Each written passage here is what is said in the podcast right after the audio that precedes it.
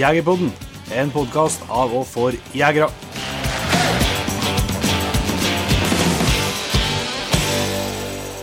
Hjertelig velkommen til en eh, helt ny episode av Jegerpodden. eh, den andre episoden den på, på ei uke. Ja, det, rekord også, da. Ja, det er helt utrolig. Det, men det har litt spesiell anledning òg. Du har jo nytt sommerferien i Sør-Afrika. Yes. Og hadde med deg mikrofon dit og uh, spilte litt så godt inn med en episode med en gjest som har vært med tidligere i Jegerpodden, en uh, Odd Magne Doseth. Yes. Vi var jo til, til han eh, på Unsva Safaris, eh, i hvert fall deler av, store deler av turen. Sånn at eh, da måtte vi jo gjøre et opptak. Da satt under et stråtak eh, i bushen der eh, mens i solnedgangen og spilte inn podkast. På en skytebane, faktisk. Jeg skal tro om ikke det er første gangen vi har spilt inn Jegerpodden på en skytebane, faktisk. Nå er jeg helt sikker på at det er første gang vi spiller inn i Afrika. Ja, det, er- ja. Eh, det er sånn vi kan si på helt sikre sida. Så eh, vi deler jo litt eh, historier og opplevelser fra, fra den, eh, den turen. både jakt og, og ikke jakt, holdt jeg på å si. Og i tillegg så er vi litt innom dette med troféjakt og, eh, og eh, tanker og, og litt refleksjoner omkring eh, hva vi jegere av og til sier, og sier til hverandre. eh, og sier om, om hverandre, som, eh, som jeg blir stadig mer opptatt av. Så det håper jeg at flere kan synes kan være litt interessant å, å tenke litt over for sin egen del òg. Ja, du som eh, nå har vært i Afrika, eh, du, eh, blir du omtalt som troféjeger nå, eller skal, skal Jeg jeg kalle, kalle deg det, eller hva, hva kjenner du Nei, på altså- etter å ha vært- der? Eh, Altså, jeg vet ikke eh, Jeg så jo det, det kom jo noen eh, kommentarer på Facebook også, liksom, om, om at dette er jakt, og, og her er henretting, og den her troféjakta som er i Afrika, det, det er helt håpløst. Mm. For meg så er det fortsatt like uklart som det egentlig har vært, hva som er troféjakt, og hva som ikke er det. Um, altså Som et eksempel eh, for vår del, som jakter mye elg, og Inge, ser jeg vel kanskje episoden òg, men altså eh, sikkert halvparten og kanskje mer enn det av elgkjøttet som eller elgen vi feller, den kjører vi rett på slakteri. Ja. Eh, Vi jakter jo ikke den for kjøttet, vi. Vi jakter jo for at vi syns det er steike artig å jakte elg. Um, og sånn er det jo når du er i Afrika. Og så, og noen dyr til felle kan jo ha et gevir, og noen kan ikke ha det, og, og sånn, men hele dyret og alt kjøttet blir jo ivaretatt. Eh, Så det er litt sånn vanskelig for meg å se hva som er forskjellen. Altså Det er store forskjeller, for det er et helt annet land og et helt annet vilt. Og, og et helt annet landskap og helt annen natur, så det er store opplevelser og sånn. Men sånn prinsipielt jaktmessig, eh, hva som er eh, Hva som er mm, Det er litt sånn vanskelig for meg å, å se. For de tre viltene som jeg var på feltet, så gikk vi nå sikkert ja, så skal jeg tippe en plass mellom fire og fem mil sammen. da. Ja. Så det er ikke sånn at vi bare Du, du går ikke, du går ikke og plukker plukke dyr her, eller? Nei, så men selvsagt kan du helt sikkert gjøre det mer lettvint i, i Afrika. Så det, det er jo litt annen det er tilnærming til hva som, er, hva som er lov og ikke lov, enn hva vi har i, vi har i Norge. Men vi vår del hadde jo utelukkende smygjakt og, og sånn, og hadde helt fantastiske jaktopplevelser. Så, sånn at eh, Nei, men dere får, får nå høre litt eh, de refleksjonene vi har gjort oss i hvert fall i den praten her. Jeg og Magne. Det blir artig for deg å høre, Jon Inge. Det er jo ikke- så ofte at eh, du får eh, høre en episode som du ikke har vært med på. Nei, det er jo litt spennende med, med, om det i det hele tatt er, er at det er legitimt nok til å legge ut, men jeg må nå stole på dere, vet du. Ja, du, får du kan jo ta dissens da, hvis du blir helt, syns det er helt håpløst.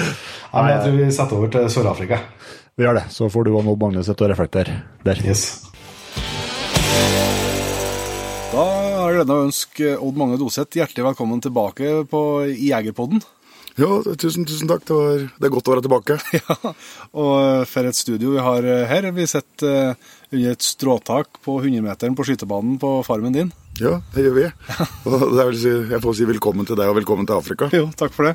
Vi sitter jo egentlig på tampen av eh, tampen av en eh, fantastisk eh, tur. og Vi skal snakke litt om de opplevelsene du og dine har, har gitt oss, eh, Odd Magne. Men vi har jo, altså velkommen tilbake, så vi har jo hatt en episode i lag før.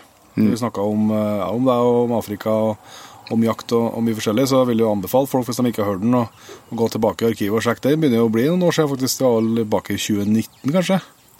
Ja, jeg lurer på om det var i 2019. Ja. Så det begynner å være en stund. Men eh, hvis det er noen som ikke har hørt den episoden, eller har, har glemt, eh, så kan du jo starte med å ja, fortelle litt om deg sjøl, og, og hvordan du endte opp i, i Sør-Afrika. Oi. Nei, jeg, vi har jo eid stedet her i 21 år, siden 2001. Jeg har uh, jakta siden jeg var guttunge, Ja. og uh, vokste opp på Lesja i Gudbrandsdalen. Og det var liksom reinsdyrjakt som var det store. Men ut på 90-tallet så fikk jeg lyst til å prøve utlandet. Jeg hadde fått noen ekstra penger gjennom salg av et lite datafirma og bestemte meg egentlig for å reise til Canada, men eh, når jeg kontakta folk der borte i Canada, så var det ingen som hadde. Jeg ville reise i mai, så da ringte jeg til den sørafrikanske ambassaden, og de sendte meg til en norsk agent som het eh, Sigurd Halvorsen, og han sendte meg til Namibia. Og da ble det først Namibia, og så ble det jakt i Sør-Afrika etter det, og i 2001 så kom stedet her for salg eh, nesten skliende på bananskall. Så da ble det et impulskjøp, og så bygde vi opp en, en jaktbedrift eh, her, da. Ja. Og jeg har eh, vært stort sett i Afrika tre-fire måneder i året fram til 2013, og da flytta jeg permanent. Ja. Så nå har du vært her i snart ni år, da. Ni år, ja. Ja. Jeg pleier å si at eh, Nelson Mandela døde 5.12. i 2013, og jeg kom den 10., så Sør-Afrika var bare fem dager under tall. Før det kom utliggende. Men eh, hva, hva er det som eh, har liksom Når du besøkte Afrika første gangen, hva var det som vekket liksom den her eh, følelsen i deg, som gjør at du nå ble boende her til slutt, liksom? Nei, nei, altså for det første grunnen til at jeg Altså, Afrika ble jo tilfeldig. Det var jo Canada jeg hadde tenkt å reise til. Men eh, jeg har jo alltid hatt stor jaktinteresse og, og sånne ting. Og eh, det med første gangen i Afrika så tente det noe i meg som gjorde at jeg hadde lyst til å, å jakte mye, mye mer. Og det ble jo, for å si det sånn, du var jo ute etter å prøve å jakte på flest mulig forskjellige arter. Få med deg mest mulig, og, og vi hadde noen, noen veldig bra jakter her. Og så ble det at vi kjøpte her, da, og, og da lager du en, en butikk ut av det. Og det har hele tida vært meninga vært en slags pensjonsgreie, men pga. litt omstendigheter så ble det at jeg ble boende fast her da, og jeg angrer ikke på det. Nei. Hva, men vi må ta det òg. Hva, hva er det du savner med Norge, da? Vi, må, jo- vi er jo stort sett norsker som hører på det, så vi ønsker gjerne å vite hva du savner. Ja, de, de, de første par åra så savna jeg, jeg Oslo og ishockeyen veldig. Ja. Men det, det du savner mest med Norge, det er sånn som på den tida her av året når vi har vinter. Du, du ser det blir lyst halv sju og det blir mørkt klokka seks. Ja. Det du savner med Norge, er disse lange sommerkveldene du kan sitte og det er skuddlyst midnatt. Så det, det savner du. Og så er det jo norsk natur og fjell, og, jeg, jeg har sagt at jeg skal på en ordentlig reinsdyrjakt igjen før jeg sjekker ut. Ja. Så du er ikke helt ferdig med det? Nei, nei, nei. Men eh, vi er jo sittet på tampen, og vi har jo vært eh, her ei, ei uke. Eh, og det har vært noen helt fantastiske opplevelser. Jeg skal komme, til, komme tilbake til det. Men eh, det er jo du eh, og, og sønnen din Thomas eh, som står bak det opplegget som, som vi har fått eh, være med på. Hva, kan du si litt om, om opplegget og, og den planen dere la for oss? Ja, nei, det var jo en, en plan vi la. Vi snakka jo mye sammen på uh, telefonen først. Og det er egentlig et uh, standardopplegg vi har som vi bruker både på jegere og på vanlige safariturister. Og med to dager i Nordvestprovins, Uketula og Pilansberg nasjonalpark. Noen dager her og en tur til Mapungubbe som vi har, har vært i dag. Men da er det jo plass til å jakte inniblant. Vi har også reine jaktgrupper. Men eh, jeg har jo alltid sagt det, og du har vært enig med meg, at å reise til Afrika på en jakttur og ikke få med seg noen av de der eh, naturopplevelsene, sånn som i dag med elefantene, når vi hadde disse neshornobservasjonene i, i Pilansberg. Jeger som er glad i naturen, må ha med seg det der. og der. Ja, og så, så får du jo se dyra på en helt annen måte, for det, det er jo Så vi det jo ganske fort. eh, Jeg må nesten si at jeg var litt sånn bekymra, for at de var jo veldig rolige dyra når vi var i nasjonalparken. De, sto, de fortsatte jo bare å ete og bry seg om biler eller noen ting. Men de blir jo ikke jakta på. Nei. Så det er jo veldig forskjellige opplevelser du får med, med dyra nå. For at eh, der, er- som i dag òg, sebraen og impalaen vi så, de for jo gikk rundt oss der, og vi hadde jo elefant på 25 meter, liksom. Det er jo helt, Ja. helt magisk. Nei, og det, det er også litt myten at noen steder vi jakter, så er det jo i hegn, og hegnene er veldig store, men mange tror at det er veldig lett å Ja. jakte i hegn. Men det er faktisk mye vanskeligere, for det er skyere vilt. Ja. De vet, som, de vet mer av hva som kan skje. ja. Ja. Hadde vi hatt en jaktlisens i dag, Ja. gyldig for én dag, og ei brukbar børse, da måtte vi hatt med mye ammunisjon. Ja, det tror jeg. Så, men det er klart at i, i nasjonalparkene der så er jo ikke Ja, det kan vel dessverre av og til foregå noe tjuvjakt, kanskje, men ikke noe, ikke noe ordinær jakt i hvert fall.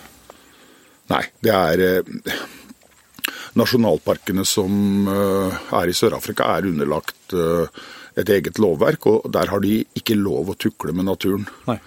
Og det er jo fint på en måte, men det er også sånn at hvis vi kjører i nasjonalparken og, og vi sier at vi har sett en sebra som blør fra bakbeinet og har et brekt bein og er, har vært borti ei løve, så sier de bare at det er synd for, for sebraen. Ja. De har ikke lov å gjøre noe som helst inngrep. Nei. Og det er jo forskjell, sånn som her, hvis vi ser vilt som er skadd. Vi har jo mye leopard her. Mm. Og det, det er flere ganger vi har vært ute og, tatt livet av dyr Som har vært skada på noe vis. som har vært skada, ja. Så det, nei, det er klart det blir jo Men samtidig så er det jo bra. Da er det jo faktisk altså, Da er jo virkelig naturen som får ordne opp, da. Det er det. Ja. det, er det. Så det er jo noe, noe fint med det. Men eh, du tar litt sånn der Ukutula først. da. Det er òg en sånn litt sånn eh, veldig spesiell plass. da. Vi kom jo kjørte inn en stor port, og, og da tok det liksom noen minutter før vi så eh, første dyrene. Vi så både sjiraff, og vi så sebra, og vi så impala, og vi så struts. og, og mye forskjellig, da. Ja, nei, vi, vi hadde jo ganske sein ankomst, så vi kom jo rett i kveldstrekk. Og, Ja. og det var en flying start når vi, når vi, når vi kom inn der. Men uh, Ukutula er uh, et fantastisk sted. Jeg har uh, brukt det i jeg tror det må være 14 år. Det ble et eierskifte for 10-12 år siden Willy Jacobs kom inn og tok over. Og det har ført til at det har blitt en standardforbedring både på lodgen i seg sjøl, men også på måten de opererer på. Ukutula er jo eh, De kaller det for et conservation center. De var de første i verden som eh, hadde vellykka kunstig inseminering av løver uten kirurgiske inngrep. Ja. De to første, faktisk. Og eh, de har sånn at dersom du har dyr som går i snarer, feller, et eller annet rovvilt, så blir de av myndighetene sendt til Ukutula. Ja. Og de samarbeider med Universitetet i Pretoria, Universitetet i Frankfurt. Det var en spansk professor som var inne i bildet på denne løveinsemineringen. Så øh, altså Det er ikke tvil om at i Sør-Afrika så finnes det flere små såkalte lion parks, der de setter noen få løver i et øh, bur og øh, tar betalt for at folk skal komme inn og se på dem. Det her er noe helt annet, og Ukutula har aldri satt ut løver til, til jakt. Så jeg ser på Ukutula som et vitenskapelig prosjekt, men som selvfølgelig finansieres ved hjelp av, av turisme. Og det er jo det er veldig dyktige folk på Uketula. Ja. ja, og helt altså, fantastisk. Lodgen og maten og alt var jo helt sånn top notch. Og så eh, bare kom inn eh, kom vi gikk ut av bilen og liksom fikk nøkkelen til rommet, og så var jeg akkurat til å høre hva faen er det for noe lyd. Og da var jo eh, full konsert fra, fra løvene. Det, var, det er jo sånn ja, det var det, hørte jo mange om mens vi var der, men hver gang så reiser jo pelsen seg på, på armene. Ja. Og, og det er jo også en ting med Ukutula at uh, de har jo ikke bare enkeltløver i små bur, de har jo et hegn der de har en flokk med løver. De separerer selvfølgelig hanndyr og hudyr Ja. for å hindre uh, for mye avling, men eh, jeg er jo mot dyreparker og zoologiske hager og sånne type ting. Og, men noe av det viltet som du kan enkelt forsvare å ha i fangenskap, det er løver. Så lenge de har flokken sin og får mat, så er de fornøyd. Ja. Ei løve sover i det ville, så sover den 20 timer i døgnet. Og, og det er sånn her, her har de flokken sin, og de lydene vi hører, det er jo instinktet til løvene som bruker det som varsling til andre løveflokker at dette er territoriet mitt. Ja. De veit ikke hvor mange hundre kilometer det er til nærmeste Nei, løveflokk. Nei. nei. jeg, jeg tok et lydopptak, så du kan ta og spille av det, så får folk kjenne litt, eh, kjenne litt på det.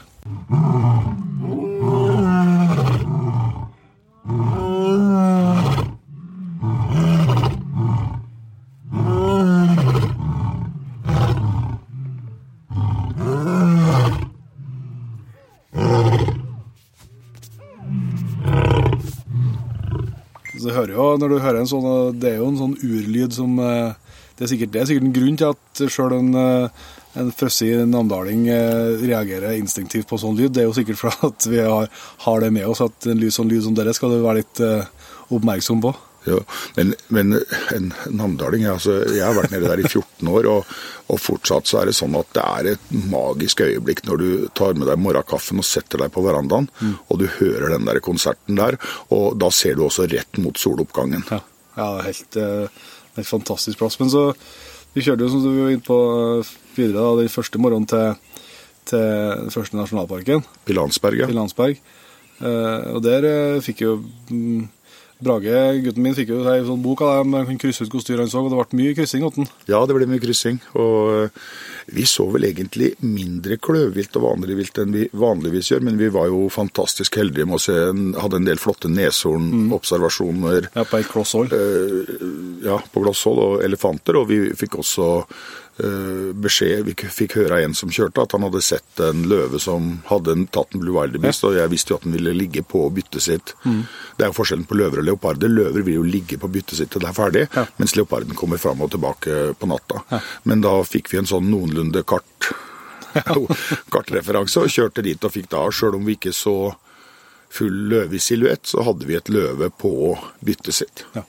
Og det Ja, så så vi jo flodhest og Ja, og på land. Ja, vi er på land. Så det var Nei, det, altså, det tror jeg gjelder alle jegere som er, som er interessert eh, eh, Det å se på dyr, det blir du aldri lei av. Altså, det, det, det er jo grunnen til at jeg vet jeg masse jegere gjør både i, i sommerhalvåret og resten av året. og eh, Kjører rundt og kikker på dyr og kikkert og følger med på det for hva som er i terrenget. og- Men det, er jo, det blir du ikke lei av. Det er Nei, nei. jo helt fantastisk. Nei, det, det det er som jeg sa til deg i dag når vi kjørte ut av meg på gubbe, at eh, når det er én ting jeg ikke blir lei av når du jobber med dette her, så er det det der å kjøre rundt og i disse store parkene og se etter vilt. Ja. Selv om du har sett mest sannsynlig alle artene før, Ja. så får du alltid en eller annen spesiell observasjon, noe du ikke har sett før. Et slagsmål. Jeg, en gang, ikke lenge siden, så så jeg flodhester som jagde elefanter ut av vanndammen sin. Og det er sånn Du får alltid et eller annet ekstraordinært. Ja, jeg synes Vi så veldig mye elefanter. Jeg vet ikke rekta ut, men det er sikkert et hundretalls da, til sammen i alle de flokkene vi så.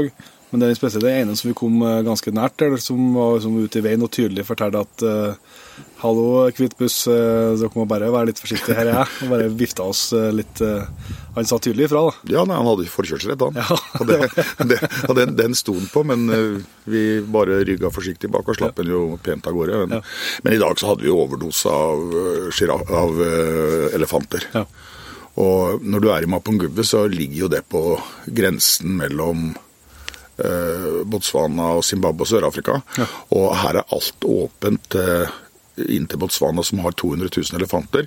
Så noen ganger i den parken så trenger du ikke se elefanter i det hele tatt. Når det er mye mopaneskog og ting i Botswana, så kan de holde seg der. Men nå er det mest sannsynlig tørt i Botswana. Da kom de over til elva. og Ja. ja, som sagt, vi fikk jo en overdose. Ja, ja men, det, er jo helt altså eh, det er jo helt sånn magisk dyr å se på. Altså, altså Selvsagt har størrelser, men, men det er jo de har jo en sånn ro over seg på et vis som selv om de er ut, de er jo, kanskje de er ute i toppen av næringskjeden, det er jo ikke et rovdyr sånn sett, men der så har de kanskje ikke så mange, så mange fiender, så de vet jo at eh, de vet jo at de er litt skjevt, de òg. Ja, Nei, og elefanter er eh, egentlig veldig fredelige dyr, men eh, den vi så i dag var en enslig okse, og han hadde Men han, det var aldri snakk om noe angrep. Nei. han bare Nei, vifta litt med ørene. Ja, det var tydelig i kroppsspråket. Ja, han, han ville fram. Ja. Og, Men det er klart har ikke vi, så, men vi, du er jo rutinert på det, så du så jo du at eh, her var ikke Men klart det er en sånn situasjon hvis det er noen som da blir for ivrig ja, ja. og ligger på, så kan det jo i verste fall bli backa en bil. da. Ja, ja.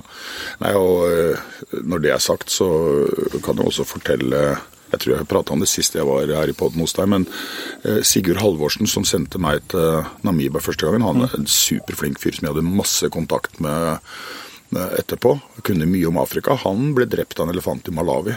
Ja. Da var det safaribilen han kjørte som sto i veien for en elefant, og elefanten angrep bilen. Ja. Eh, Folka hoppa ut og kom seg vekk, og elefanten begynte å trekke seg tilbake. og Så gikk Sigurd ut og skulle ta flere bilder, og så fikk han et angrep og ble skadd og døde på sykehuset i Johannesburg. Ja. Så altså, skal ikke eh, tulle med, tull med det. Og hvert, hvert, eneste år så blir det eh, velta noen biler og gjort et eller annet for folk der du har, du har lov å kjøre sjøl uten guide, ja. og så tror du at du er i en jævla dyrepark, ja. og så stopper du fem meter fra dem og begynner med blits og ja. alt mulig sånn. Det kan, det kan bli fatalt.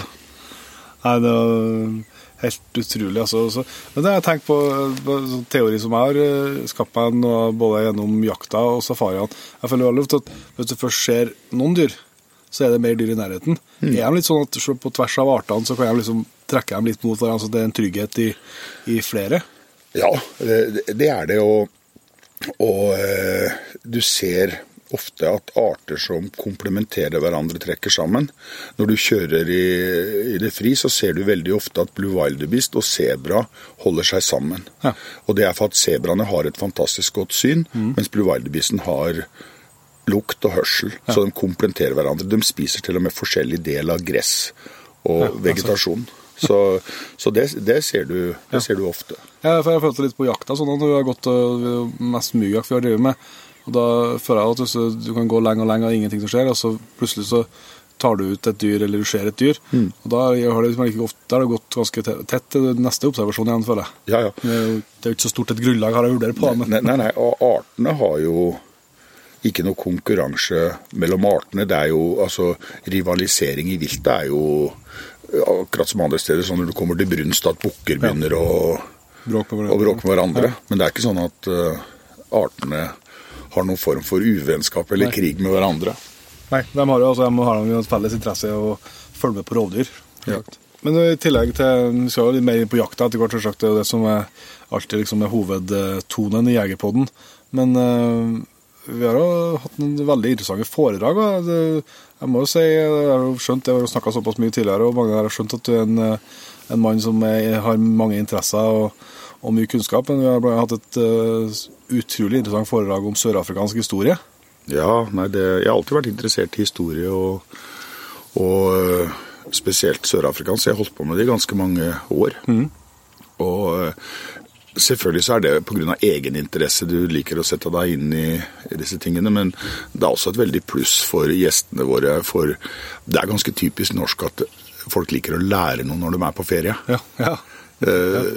det er sånn. Og så er den sørafrikanske historien er veldig eh, greit å forelese i, fordi at eh, det er veldig få som Det, du, det er mange ting du aldri har hørt før. Ja. Og det er en ganske brutal historie ja. noe av det.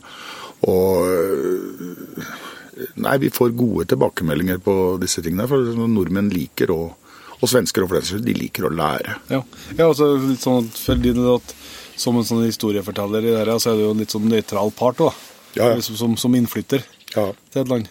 Ja, Nei, for det er jo så lite som mange skandinaver veit om Sør-Afrika. Så kommer de ofte med en sånn øh, oppfattelse av historien som at det har vært noen hollandske og britiske kolonier, og så hadde de noe som het eh, apartheid, og så kom det en som het Nelson Mandela og ordna opp i alt sammen. Ja.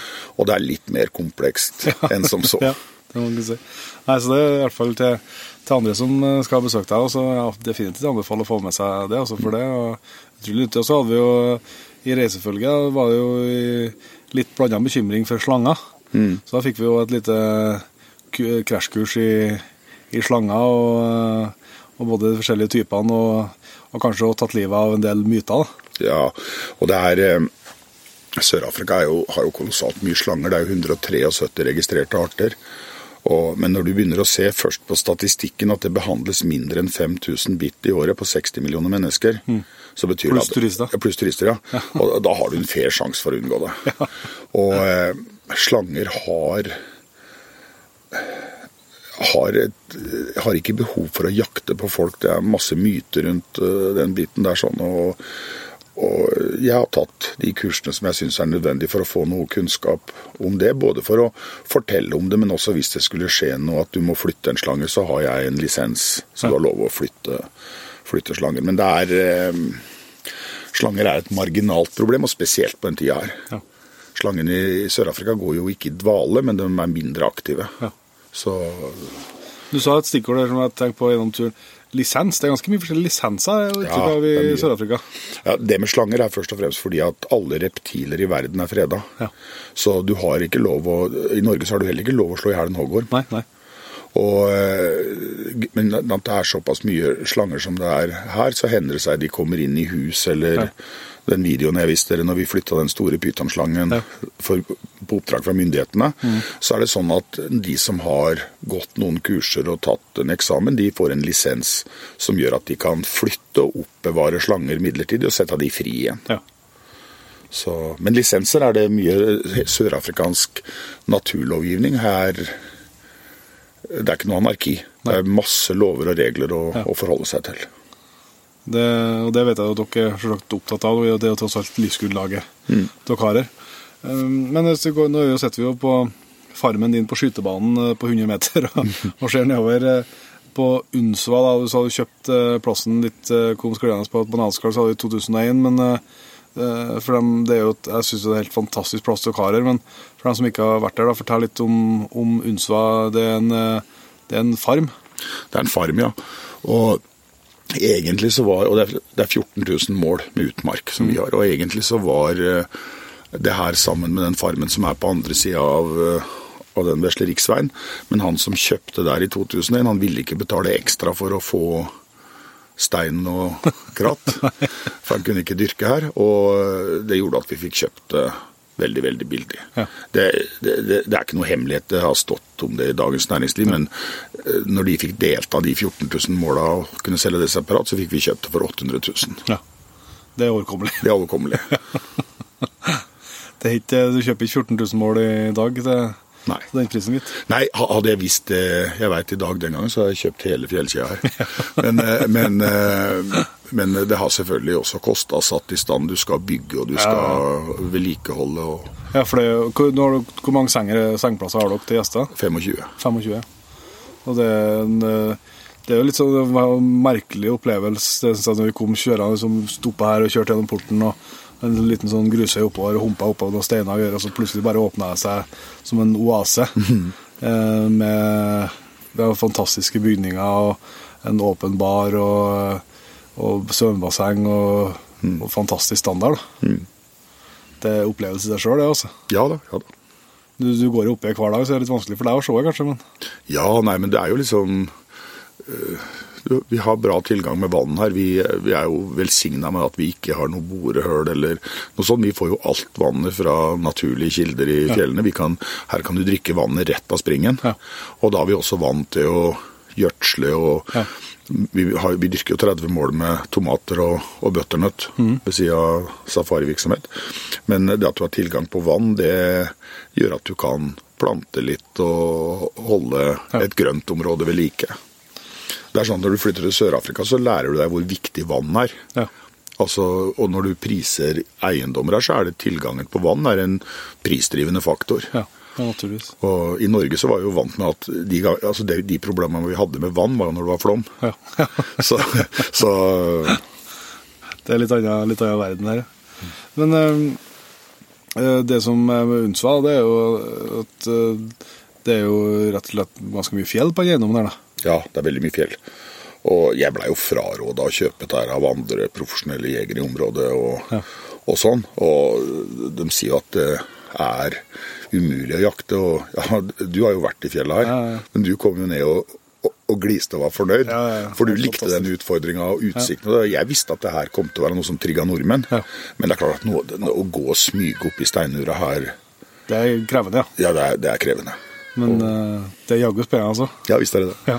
Men så har du det også det med at eh, du kan kjøre opp i fjellet på kvelden og se på solnedgangen og ta en sundowner, og folk liker utsikt. Ja, ja. Absolutt. Nei, men Du har jo hatt eh, fantastisk eh, jakt. altså Jeg må jo si, jeg har jo sagt på podkasten tidligere altså, at jeg var jo veldig spent, for jeg har aldri hatt en sånn eh, drøm Eller kanskje litt som deg, jeg har egentlig hatt drøm, så gjør store jaktdrømmer. Jeg har vært i Canada og, og store elgokser og litt den der. Eh, men samtidig har jeg jo snakka med så utrolig mye folk, deriblant deg og, og mange andre, og som har liksom så levende og engasjert fortalt om Afrika og, og mulighetene og, og naturen. og alt sånt, at ja, jeg har jo lyst til det, men vi må jo prøve det. Så jeg visste liksom ikke helt hva jeg gikk til, men, men jeg må si at sånn, eh, sånn naturen, naturopplevelsene, jaktopplevelsene, det har overgått alle forventninger, altså. Det er helt eh, og, og for min del har liksom slått i hjel eh, mange Jeg kaller det fordommer, mm. i mangel på et bedre ord. Som jeg tror en del Og det har inkludert meg sjøl, helt sikkert. Jeg har hatt eh, overfor både det afrikanske viltet, kanskje, og mengden av det viltet, og, og hvor enkelt det skal være, og hvordan, det gjøres. Det er ikke eh, eh, Det er nok dessverre sånn at mange kan litt for fort trekke slutninger på et litt for tynt grunnlag. da. Ja. Nei, det er det jo. Men når det er sagt, så er det jo også forskjell på hvordan jakt utøves flere steder i Sør-Afrika. Ja, det helt du, du får det jo akkurat sånn som du vil, for Ja. det, det er ikke få vilt som blir Felt, felt fra, toppet, fra planet bak på en Hilux med skyteanlegg på taket. Nei. Og, og det er jo liksom sånn hvordan du velger å å organisere jakta. Vi, vi, har jo, vi har jo valgt å satse Det er jo skandinaviske jegere som kommer her. Først og fremst for at vi har nettverk og vi kan språket. Ja. Men vi vil gjerne gjøre det på den norske måten. Ja. Eller den svenske måten, Ja, eller den skandinaviske måten. Og i det så ligger det jo eh, Altså Ja, kanskje at, eh, at den altså, det at du har jobba litt ferdig, altså ikke det er så vanskelig eller tungt, eller altså at du har At det ligger en eller annen eller om det er sniking eller hva det skal være, altså til grunn, gjør totalopplevelsen mye større. da. Altså at det, ikke, det er ikke bare akkurat det å trekke en avtrekker som, Nei, nei, nei. som er den historien du har lyst til å ha med deg. Nei, helt enig. Det er jo liksom å bygge seg opp mot avslutninga. Ja. Det er jo dramaturgien. Ja, det er det. Men vi har jo eh, jakta lyktes for alle. Vi har jo vært i Er det tre, eh, fem, seks jegere eh, som har eh, vært, flere på Brage har vært med flere også, men som har vært med seks jegere som har vært på turen. Eh, og det har lyktes for alle å feile vilt. Det må jo kjennes godt for eh, deg som har Ja, ja, ja, visst gjør det det å, å se at andre lykkes, og se at alle får tak i og Du ser jo på gleden av noen av de når de kommer tilbake igjen. De er fornøyd, de er stolte. Ja, ja, ja, ja, det blir jo det. Og vi har jo litt eh, kan ta, skrevet opp litt her. eh, eh, Vi har Blue Wilder Beast på laget. Vi har eh, eh, Warthog. Mm. Vi har uh, Blessbook. eh, Impala. Red Hartebeast eh, og sjiraff. Ja. Så vi har eh, både stort og smått. Men det, er jo noen, noen er sikkert godt kjent for alle, men så tar det Blue og Red Hartebeast for dem som ikke kjenner artene. Eller Blue Wildebeest og Ja, Red Hartebeest. riktig, riktig. Det, Blue Wildebeest er jo det som eh, kalles gnu. Ja. Og det er ikke de gnuene som du ser på TV fra gnuvandringen i, på Serengeti og sånne ting. Det er noe som heter brindeld-gnu, eller white-bearded gnu. De er litt mindre og spinklere og har et sånt hvitt faks foran. Men Blue Wildebeest er den nest mest tallrike antilopen i Sør-Afrika. Og eh, jeg syns at de gir veldig spennende jakt. Det er flokkdyr og enslige okser som går for seg sjøl. De kaller det jo for poor man's buffalo, altså fattigmannsbøffel. Og, og ø, det er et bra vilt å jakte på. Du har også black wildebeest, som ikke er naturlig for området her. De holder til lengre sør, som har, er i samme familien, men de har um, horna vendt forover. Ja, mens den blue er på sidene. Ja. Eh, Red Hartebeest er en litt annen familie. De er i samme familien som Blesbukk og Sesseby og en del andre. Og eh, Red Hartebeest er eh, en, det er den trea raskeste antilopen i, i Sør-Afrika. De har en toppfart som kan komme opp mot 70 km i timen. Se det. Så det går ganske fort. Ja. Det der med beast og sånn, det er eh, ofte en sånn misforståelse. For folk sier wildebeest og hartebeest, de tenker det på som et beist. Ja. Altså som noe ordentlig skummelt. Udyr, liksom. Ja. Ja. Men det, det faktiske forholdet er at det kommer fra øh, det ordet på afrikansk som heter best. ja. Og det betyr ku. Eller krøtter. Så en, Vil, blå, blå villku. ja, det er det hvis vi oversetter direkte blå veldebest fra afrikansk, så er det blå villku. Ja. Så Jeg fikk jo Jeg felte jo en sånn eh, gammel ku sagt, eh, da, på første jaktdag. Da gikk jeg sammen med mm, trekkeren eh, som jobber hos deg, som heter for Johannes. Ja, ja, det var spennende. Altså, det var, vi for nå gikk en stund først, jeg vet ikke hvor langt det er, noen, noen kilometer, tenker jeg. Og så hørte vi her, som, som jeg har forstått er litt sånn som typisk for typisk for uh, blåa, som du hører snøft, snøftinga. Mm. om det er de sier fra at de vet at vi på disse... Ja, det er varsellyd. Ja, de, de, men de, vi har veldig god vind, så de klarer aldri liksom helt å, å skjønne at vi var der. Og så begynte vi nå og så ut litt et eh, dyr som kunne være aktuelt. Eller han gjorde det, jeg kan ikke si at jeg la meg så mye opp i det, men han, han gjorde det. Og så ja, det var artig opplevelse, for at eh, vi set- setter skytestokken, og så skulle jeg justere litt på den. Og da sklei børsa litt for meg, så det ble en sånn, en sånn brå bevegelse, sånn klikk, og da for de. Og så, så hører jeg han Johan si 'fuck'. Og så, og så sier jeg uh, 'It was my fault. I know'. så vi var skjønt enige om, om at jeg rota til der. Men det gikk ikke, jeg vet ikke, vi fortsatte nå liksom etter vi hørte noe hvor de hørte noe lyden i retningen de for, da, så vi fortsatte nå, vi hadde veldig god vind, så, sagt, så de fikk jo ikke været til oss. Så vi gikk ikke sånn eh, Ikke hva jeg skal tippe eh, ja, plass mellom 500 meter og en kilometer et eller annet, før vi tok dem igjen. De må stoppe og fortsette å beite. Mm. Eh, og da sa Johannes etterpå at hvis, hvis de hadde været av så hadde de stukket. Da har vi ikke sett dem noe mer. Men det er sånn de bare skjønte at det var en lyd og bevegelse som var rar, så, så for de ikke så langt. Og da, da sto vi ganske lenge da, før vi til slutt fikk eh, For det er jo det som er litt ja, Du er noen gammel reinsjeger, så kjenner du godt ifra gamlelandet, men jeg som ikke er vant til det, altså når det er dyr i flokk. Det er litt sånn eh, spesiell opplevelse når du skal være sikker på å få til et godt skudd. da. Ja, og ta ut riktig individ og passe Ja. på bakgrunnen din og sånn. Helt riktig. Ja, ja. Men det var noe eh, Det var eh, heftig, altså. Ja, og så var det jo det var en perfekt uh, skuddløsning. Men en som skal ha kreditt, er jo også hun som filma. Ja, fruen, ja. Ja, ja, ja for, for uh, vi fikk jo se at du satte et helt perfekt skudd, Ja. men kameraet gikk ikke en tomme til verken opp eller ned til sida i skuddet. Det er fantastisk, den videoen. Ja, det ble veldig bra. Nei, det var ikke Og så var jo så Ja, altså, det, det var ikke ganske fort, det der, fra vi starta jakta til det lå der slik det kanskje en time eller en halv time eller noe. Men det var også fin eh, start, og fikk jo eh, midler å være med på hele jakta og liksom se litt hvordan det, hvordan det funka med, med liksom samarbeidet med trekkeren og, og den eh, biten der òg. Og det må vi kan snakke mer jakt om, men det må jeg jo si, da, og det har jeg hørt veldig Det er jo den kanskje historien som veldig mange har fått når de har vært hos eh, ulike jakter i Afrika. Altså den eh, utrolige kompetanse, jaktkompetansen da, som bor i de her trekkerne. Det, er- ja, det er ingenting annet enn fascinerende.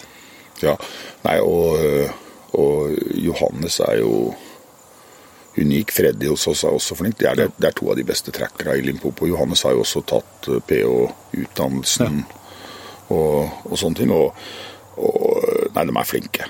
Ja, det er så helt utrolig hva, altså, både hva de er i stand til å se og høre og, liksom, og sette sammen den informasjonen. Det er liksom, eh, jeg opplevde så, da var jeg liksom, ja, de fuglene der laga lyden borti der, det betyr at de dyrene der er i nærheten der. Og det viste seg å stemme, gitt. så det var ikke bare, han sa ikke bare for å være vanskelig heller. Nei, nei. Så det, nei da, det er Men, altså, men samtidig så det der, så tenker jeg at vi norske altså, Jeg har jo synes, føler at jeg har lært utrolig mye bare av å gå bak dem og se hvordan de bruker terrenget både for, for skjul og hvordan de klarer å gå stilt og, og hele det opplegget der. Og så må jeg jo si eh, at når du liksom ser på det, så skjønner du jo at eh, det er en stor forskjell for at i, her er jo ikke den jakttida som vi er vant til i Norge. Her er jo jakt året rundt. Ja. Og jeg spurte jo Johannes hvor mye han tror han jakta i året. Og da anslo han mellom 300 300 og 350 dager på jakt i året. Eller ute i skogen i året, i hvert fall. Ja, ute i skogen, ja. Ja.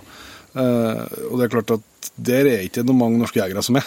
Om noen. Nei, nei, nei. Og så, det er klart at Når du ganger opp det med x antall år, så får du jo slakt Så er det jo samme hva du driver med i verden, dess dess mer du holder på, dess flinkere blir du jo. Ja, og, det har jo jeg tenkt masse på at, øh, at uh, ungdom som begynner å jakte, og i stedet for å vente på Statskog og prøve å være heldig og få første reinsdyrkortet ditt eller få tak i ei rådyrjakt, så er det klart at hvis du hadde vært her i ti dager, så kan du opparbeide kolossalt mye jakterfaring På kort tid. På, kort tid. Absolutt. Ja, og både at du får uh, situasjoner Men det, du, vet du skulle Og var litt sånn, litt sånn inn på det, men uh, det her med det, så jeg så jo, Du nevnte jo filmen som Milla filma her, så, så det kommer jo noen kommentarer med en gang liksom at uh, det her er ikke jakt, og her er for enkelt og alt sånn. Eh, Jeg er jo, kan jo si at det er helt sikkert eh, det, skal, det er helt sikkert tenkt og sagt om Afrika på et tidspunkt sjøl tidligere i livet. Det kan godt hende. Så hvis noen vil arrestere meg på det, så må dere gjerne gjøre det. Men, men nå har jeg nå vært her, da. Da ser jeg at eh, verden er jo ikke sånn. Nei, nei. verden fram til, eller veien fram til den skuddsituasjonen, Ja, det, ja, det var et stykke, det. Ja, det var ja, et stykke også. Så jeg jeg nevnte litt hvor mange jegere vi har da. Vi har egentlig operert som kall det fire jaktlag, da, eh, som har holdt på forskjellige plasser. Og eh, hvis matematikken min er riktig, så har vi eh, jakta eh, fire og en halv eh, dag. Det vil også da gi 36 økter med jakt, som da er typisk fem-seks timer hver økt. da. Ehm, så har vi på det elleve vilt. Ja. Og det er jo kjempebra uttelling. Ja, ja. Absolutt. absolutt. Men det er jo samtidig ikke sånn at, eh, at det er bare å hoppe ut av Hiluxen og, og begynne å skjøte. Nei, nei. Så- Men, men vi har jo også valgt smygjakt konsekvent. Ja. Og det, er jo, og det er nesten mer et spørsmål til deg, for jeg husker du spurte meg i forrige, første episoden jeg Ja. var med om liksom om det er veldig stor forskjell på selve jaktutøvelsene her og i Norge. Og du ser jo at det er ikke så stor forskjell. Mm. Nei, nei, nei. Vi gjør akkurat det samme. Men samtidig så er jo det som jeg tror har gjort opplevelsen så sterk for meg, da, at nå driver ikke jeg så mye med smugjakt, Jeg jakter mest med hund, men jeg har nå drevet med litt smugjakt òg. Men det, som, det er jo at ja, det, vi gjør akkurat det samme, men samtidig alt forskjellig. Altså at jeg tenker ja, Ja, på naturen og lydene og luktene, Ja. og ikke minst eh, viltet. Ja. Og, og her så jakter du jo på flere forskjellige arter Ja. eh, samtidig, Mm. og du hører noe som På lyden kjenner du ofte igjen Ja. hva som eh, Ja, I hvert fall- i trekker han. ja, hva du vil se. Men, men eh, det braser i busker, og det kan jo dukke opp hva som helst. Ja. ja, det er jo det som gjør det så utrolig spennende. Og, og, og, og første dagen så hadde vi også en sånn greie som Jeg gliste. Det er det første viltet vi skjøt på gruppa di er nå. Og hvor uforutsigbar jakt kan være. Vi har jo en del nyalaer i terrenget rundt her. Ja. Og det er én nyalaokse som jeg ofte har sett, og jeg ser den som regel når jeg er på vei på butikken. Ja. Når jeg sitter ubevæpna og, og inne i Fortuneren, og han står og titter på meg inn i bushen. Og jeg har sagt at uh, dette er en godt voksen, gammel okse og et fantastisk flott, fantastisk flotte horn. Ja. Symmetrisk og jevne. Og det er i hvert fall en fire-fem jegere som har vært her i år, som har gått og leita etter den. Ja, Spesifikt etter den, ja. Spesifikt etter den. Ja. Og så går Erlend ut og har vært ute i 25 minutter, og plutselig så står han åpent foran. Ja. og han var, han var egentlig så etter Blue Wildebeest eller Impala. Ja. Og plutselig så står den som mange har sett etter Ja. i lang tid. Og Hun Andrea og ene P-en her, og og noen anslag på hvor mange mil hun har gått etter eh, for å prøve å finne den der. ja, Andrea var faktisk litt skuffa når hun kom tilbake igjen, og den, den hadde hun regna som sin. Andrea er ene P-en sa Erlend, og det var godt du sa, før. vi har, har hatt flere jaktlag her. og Erlend, men det, det er jo en artig historie i seg sjøl. For, eh, for dem som har fulgt Jegerpodden en stund, så hadde jo vi vårt første liveshow på Lillestrøm i 2019. Og da var du så hyggelig med oss at du ga oss muligheten til å dele ut en, eh, en tur hit. Som en premie liksom, som vi kunne eh, friste med for å prøve å få til noe billettsalg. Ja, ja. Det tror jeg jo var en av de tingene som var litt utslagsgivende, for at det kom mye folk òg. Og nå, den, eh, nå fikk vi fullbyrde den premien, at vi fikk til å ta en turen i lag. Og det var jo Ja, det var kjempemoro. ja, det er helt utrolig. Og, og det har vi ikke sagt noe om, men det er klart 2019 eh, Jeg skjønner jo Jeg vet jo Erlend hadde tenkt å ta den turen, turen før. Men eh, hvordan eh, har lockdown og sånn vært hos, eh, hos dere? Dere lever jo av turisme, det må jo være Ja, nei, vi lever av turisme, og det er klart at det har vært steintøft. Ja. Du sitter jo i to år uten inntekter. Ja. Og, og det er klart at det, det vil jo være en utfordring. Men da må man ha en plan, og det nytter ikke å sitte på sosiale medier og klage på det der. Vi bestemte oss for tre ting. Det er ingen kunder som skal bli skadelidende for at de må avbestille. Nei. De skal få tilbake igjen og få forlenga turene sine, der vi også får forlenga oss underleverandører til samme pris. Altså med det de har betalt inn. Det var ingen leverandører som skulle tape penger på oss, og det var eh, ingen ansatte som skulle miste jobben. Nei. Noen ansatte gikk i permisjon, for de hadde en ordning her sånn at du fikk minimumslønn hvis du gikk i permisjon. Okay. Og da permitterte vi noen, men, og de, hos oss så har de jo bedre betalt enn minimumslønn, men da kompenserte vi med at vi jakta litt sjøl, jeg og Thomas og Johannes. Så de, vi leverte kjøtt og ting Mm. Ja, så for å kompensere litt på det. Og økonomisk så gjorde vi en, en aksjetransaksjon med at jeg solgte ut eh, noe i Norge og reinvesterte pengene her nede. Men så var det også eh, Det tvinga oss også til å sette i gang en del ekstra greier. Og da pløyde vi opp 30 mål og dyrka tomater. Ja. Til å begynne med seinere butternut. Ja. Og det, det, det profitterer vi jo på nå, for nå så har vi jo det gående. Nå begynner vi å dyrke igjen. Nå er vinteren ferdig, så i løpet av 14 dager nå så begynner vi å dyrke igjen. Og nå har vi pga. koronaen fått en ekstra inntektskilde. Ja. Og ting som sikrer arbeidsplassene våre her. Ja. For når du, når du jobber i Afrika, har ansatte, så når du, og når du har gode folk, så må du beholde de. Mm. Drive og leie inn temporære eh, arbeidere, det nytter ikke. Du, alle her er drilla på hva de skal gjøre, du slipper å lære dem opp på nytt igjen. Nei, det, det er jo ikke eh, Altså, korona har vært tøft over hele verden, helt åpenbart, men det er klart at jeg tror ikke helt vi innser hvor beskytta vi tross alt har vært i, i Norge likevel. Altså, det har vært ordninger både for å uh, tette inntektstap og, og ikke minst at vi har et eh, Nav som, eh, som ligger der som en, eh, et, et sikkerhetsnett liksom, i, i samfunnet, som det selvsagt ikke er på samme måten i, i Sør-Afrika. Nei. Nei da, og det, men altså Det er jo ikke noe støtteordning på sånn. Jeg tror jeg fikk 50 000 rand i en støtte til, som ga til turistbedrifter. Ja. Og sånn, og, og alle blir jo ramma av korona. Du vil jo få kanskje et finansielt impact. Og kanskje det er i ferd med å komme. Ja. Men eh, når du driver en turistbedrift i Afrika som er basert på skandinaviske kunder som ikke får lov å reise, da er du ganske høyt oppe på lista, de som, de som er ramma. Ja, det må du ikke si. Nei, men Det er i hvert fall utrolig bra at dere har kommet dere gjennom da, at dere har kommet dere gjennom på den måten dere har. da. Det står det jo, står det jo respekt av. Men vi må til, tilbake til, til jakta. Vi var jo flere inn på flere arter her. Impala. Fruen skjøt en veldig flott impalabukk. Det, men impala ser vi ganske mye av. Det en tall, det er det som mest tallrike Ja.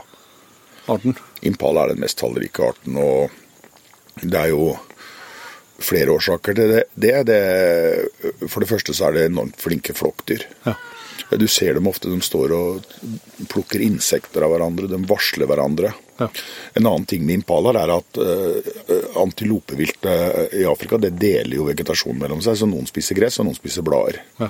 Impalaene spiser gress, men hvis det blir tørt, så begynner de å spise blader. Ja, sånn, ja. De omstiller seg med en gang. Ja. Og uh, ja. Det er klart, da blir du straks mer robust. ja, så, og impala er jo det er jo vakre dyr. Ja, ja, ja fantastisk.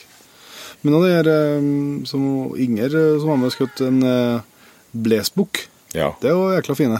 Ja, de er fine. Og eh, det er ikke så mange det er ikke så mye av de her i området, men det fins. Ja. Og det er en sånn størrelse samme som impala. Mm, det er litt et stort rådyr. eller- Stort rådyr, ja. Og heter jo blesbukk fordi at den har det derre bleset i det hvite merket i panna. Ja. Og så har vi jo da selvsagt òg en, eh, en sånn eh, vortesvin, som er eller pumba, som Ja, ja. eh, Johannes sa når den, eh, når den datt. Mm. De er jo eh, Vi har, jo sett noe, men vi har ikke sett så mye av det. Nei, men vi, vi har hatt litt rann, kaldt vær Ja. og litt rann vind. Ja. Og når du får vindstille dager med mye sol, Ja. Og det er varmt, da ser du mye vårtog. Ja. For da er de på vei til å bade i disse gjørmedammene Ja, ja, og drikke ved vannhøla. Og det er mer, mer fart hjemme.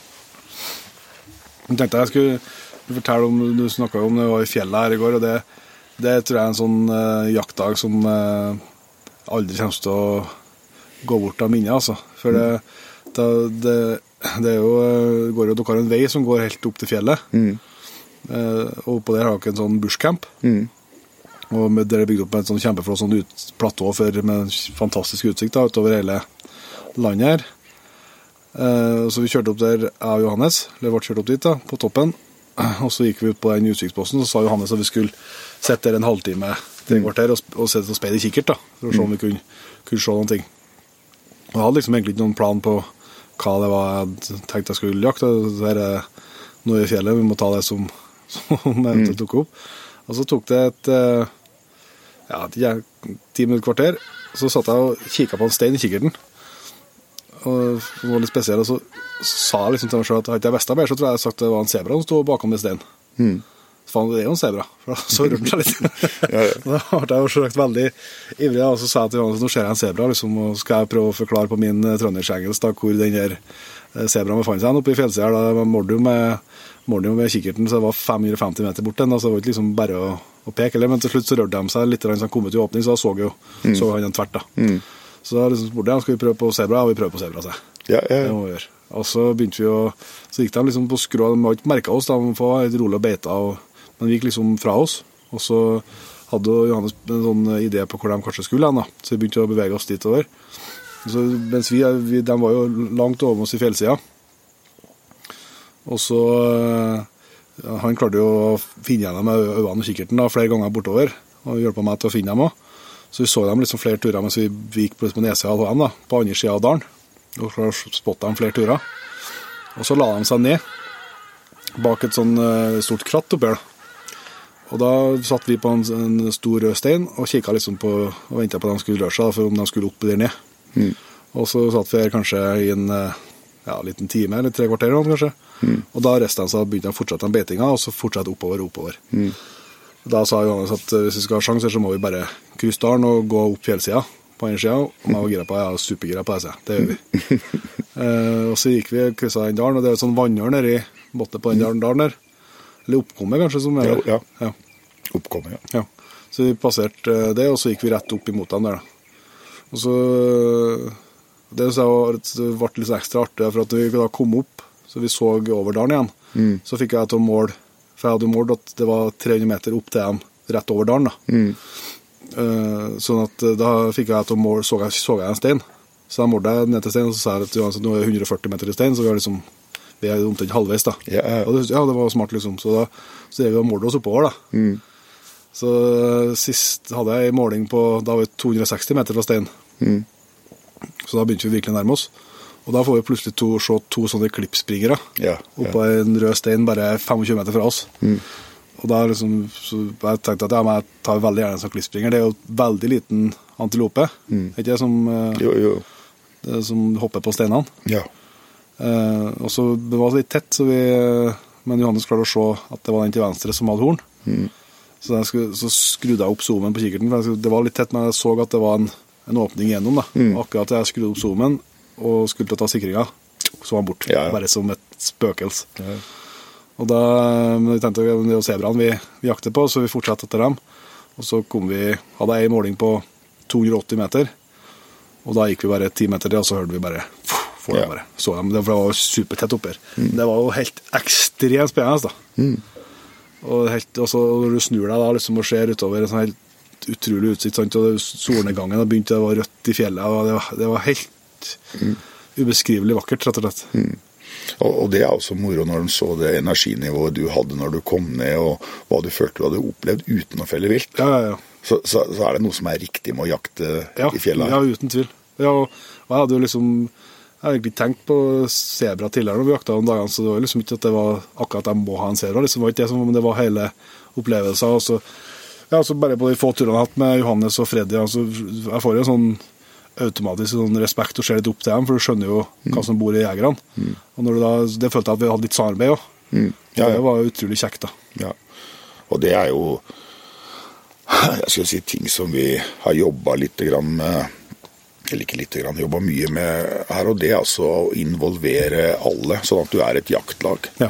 BH-tracker, Ja, gjest og, og sånne ting. Og, og folka våre er veldig flinke til å kommunisere med europeere. Mm. For det er ikke alle innfødte afrikanere som har fått den muligheten og hatt den Nei, nei, muligheten til å kommunisere med ja, jegere fra Norge Ja. og Sverige.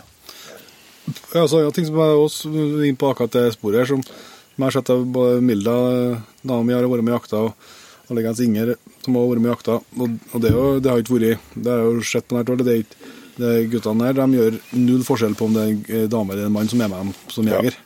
Det er akkurat, det er ikke, det, de gjør ikke noe annerledes. Det er jo veldig, altså det er jo på en måte en hermetegn selvfølge, men samtidig ikke. Eh, Så det er veldig godt å se at det funker sånn. Ja, ja. Nei, visst er det det og det. Men det er nok noe som de har lært av skandinavene. Ja. For det er mye mer damer som jakter, jakter i Norge enn det er i Sør-Afrika, ja. Og eh, de har lært seg å eh, respektere damer som jakter, og behandler dem som du sier, akkurat likt. Ja, det er ikke forskjell. Og du ser jo Andrea som jobber for oss som PH. Hun er jo jente, og hun er 26 år. Og øh, hun har jo skrevet en artikkel i det store, største jaktbladet nede her om hvor stor mye aksept hun har fått som kvinnelig PH fra norske jegere. Ja. For de er vant med Damer som jakter. damer som jakter. Ja. Uh, hun har fri fra oss noen dager nå, og jeg hørte at hun nå, hun sa til meg i dag at hun hadde fått forespørsel fra en outfitter i nærheten her. Mhm. Men da fikk hun spørsmål om hun kunne komme og hjelpe til med de, å ta seg av de kvinnelige ledsagerne. Herregud. Ja, ikke sant? Og, der, og jeg sier, du skulle helst sagt at nei, Og jeg kjenner han som har spurt, da, så jeg sier at du burde heller spurt om å være PH, for du er faen meg bedre PH enn Dani. Det er, det er ja, men det, men det er klart at eh, dere har jo tatt med dere den kulturen Ja. der hit, så det, det er jo veldig, veldig godt å se, i hvert fall. Eh, men så må jeg fortelle om uh, Jeg har jo skutt sjiraff. Ja, Det har ikke jeg trodd for et år siden at jeg skulle ha gjort. ikke jeg heller. Men det var helt utrolig eh, spennende jakt. Eh, Det er altså helt uh, uh, altså Det skal jo ikke være noe forskjell på et lite vilt og et stort vilt uh, i verken i prinsipp eller jaktutøvelse eller noe som helst. så Det skal jo ikke være det, og det, det er det kanskje ikke heller, men, men det er jo, var jo også det er å lete etter et så stort dyr. Og det skal være så vanskelig å finne så stort dyr. ikke Nei, nei, nei, alle tror at sjiraffer må være lett å finne, for der stikker halsen langt ut av skogen. Sånn. Det er ikke sånn det funker. Nei, vi, første, første dagen vi lette etter sjiraffen, da tror jeg vi tikka inn nesten to mil med sniking og leting uten å finne en eneste sjiraff. Eh, Da begynte det å komme såpass langt ut på dagen at de helst ønska at vi skulle vente til neste dag og fortsette. For det er jo jeg forstår det er litt jobb med, med flåing og, og sånn.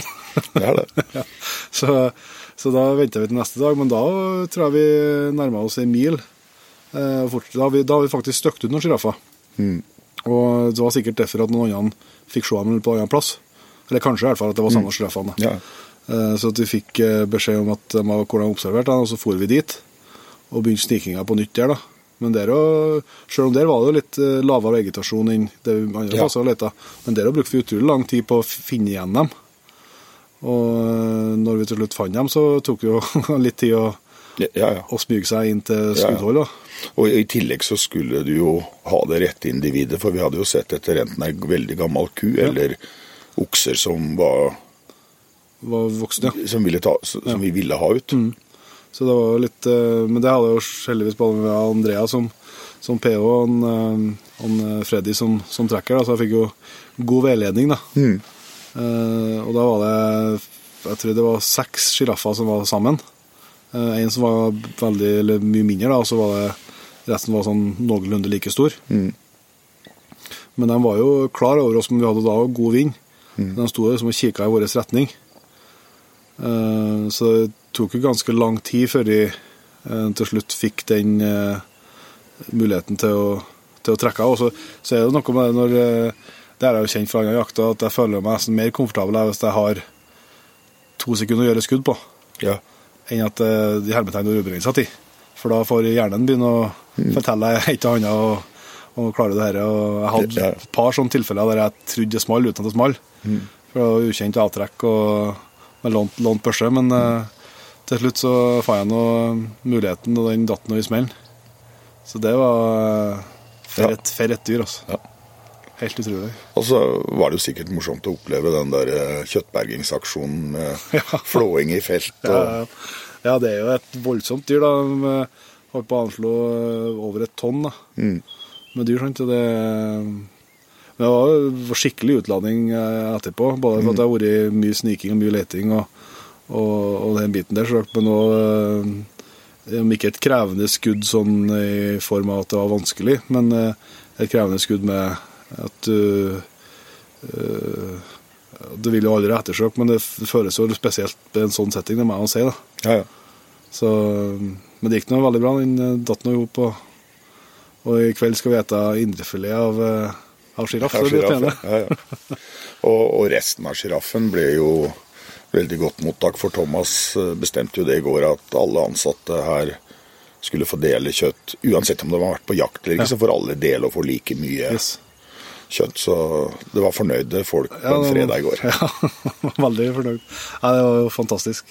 Så, eh, men, det, men det tar oss liksom òg litt over til for at eh, For altså det med idé om å, å skjøte sjiraff Jeg vet ikke helt det dukka opp. Jeg snakka med noen som har vært på sjiraffjakt og liksom forklart meg både at som du sier, at det er ikke så enkelt, det er ikke bare å gå ut og du ser dem på Men så er det den følelsen av å, å jakte etter et så stort, et så stort dyr. Eh, Så det er det som setter meg på tanken, eh, og så har den tanken bare eskalert. Og så har jeg jo sett filmer og dokumentarer om sjiraffer og lest bøker og, og Wikipedia og liksom prøvd å lære meg litt mer om Så har det stadig liksom den interessen øka. Men samtidig så tar det litt eh, over til, til det her med, med Som er et tema, selvsagt, for en sånn prat som da, med troféjakt og, og, eh, og den biten her. Altså for at jeg jo, nå har vi jo som sagt, jeg har felt den sjiraffen, og jeg forteller jo det i podkast, det er ikke en hemmelighet, det. Men jeg var ikke helt bevisst ikke å legge ut noen bilder av den. Fordi at uh, jeg har sett det hos andre, hvordan reaksjoner det skaper. Uh, og det orker jeg bare ikke å, å gjøre, for noe, jeg har ikke behov for å, for å legge ut det sånn sett. Og hvis noen føler seg veldig støtt av det, så, så det, synes jeg det er leit. Altså, for det er liksom, den gangen er verdt å ikke legge ut noe bilde av den. da. Ja. Nei, og det er riktig vurdert, det. Jeg prøver også å være litt tilbakeholden med å legge ut de bildene, for det vekker ofte følelser.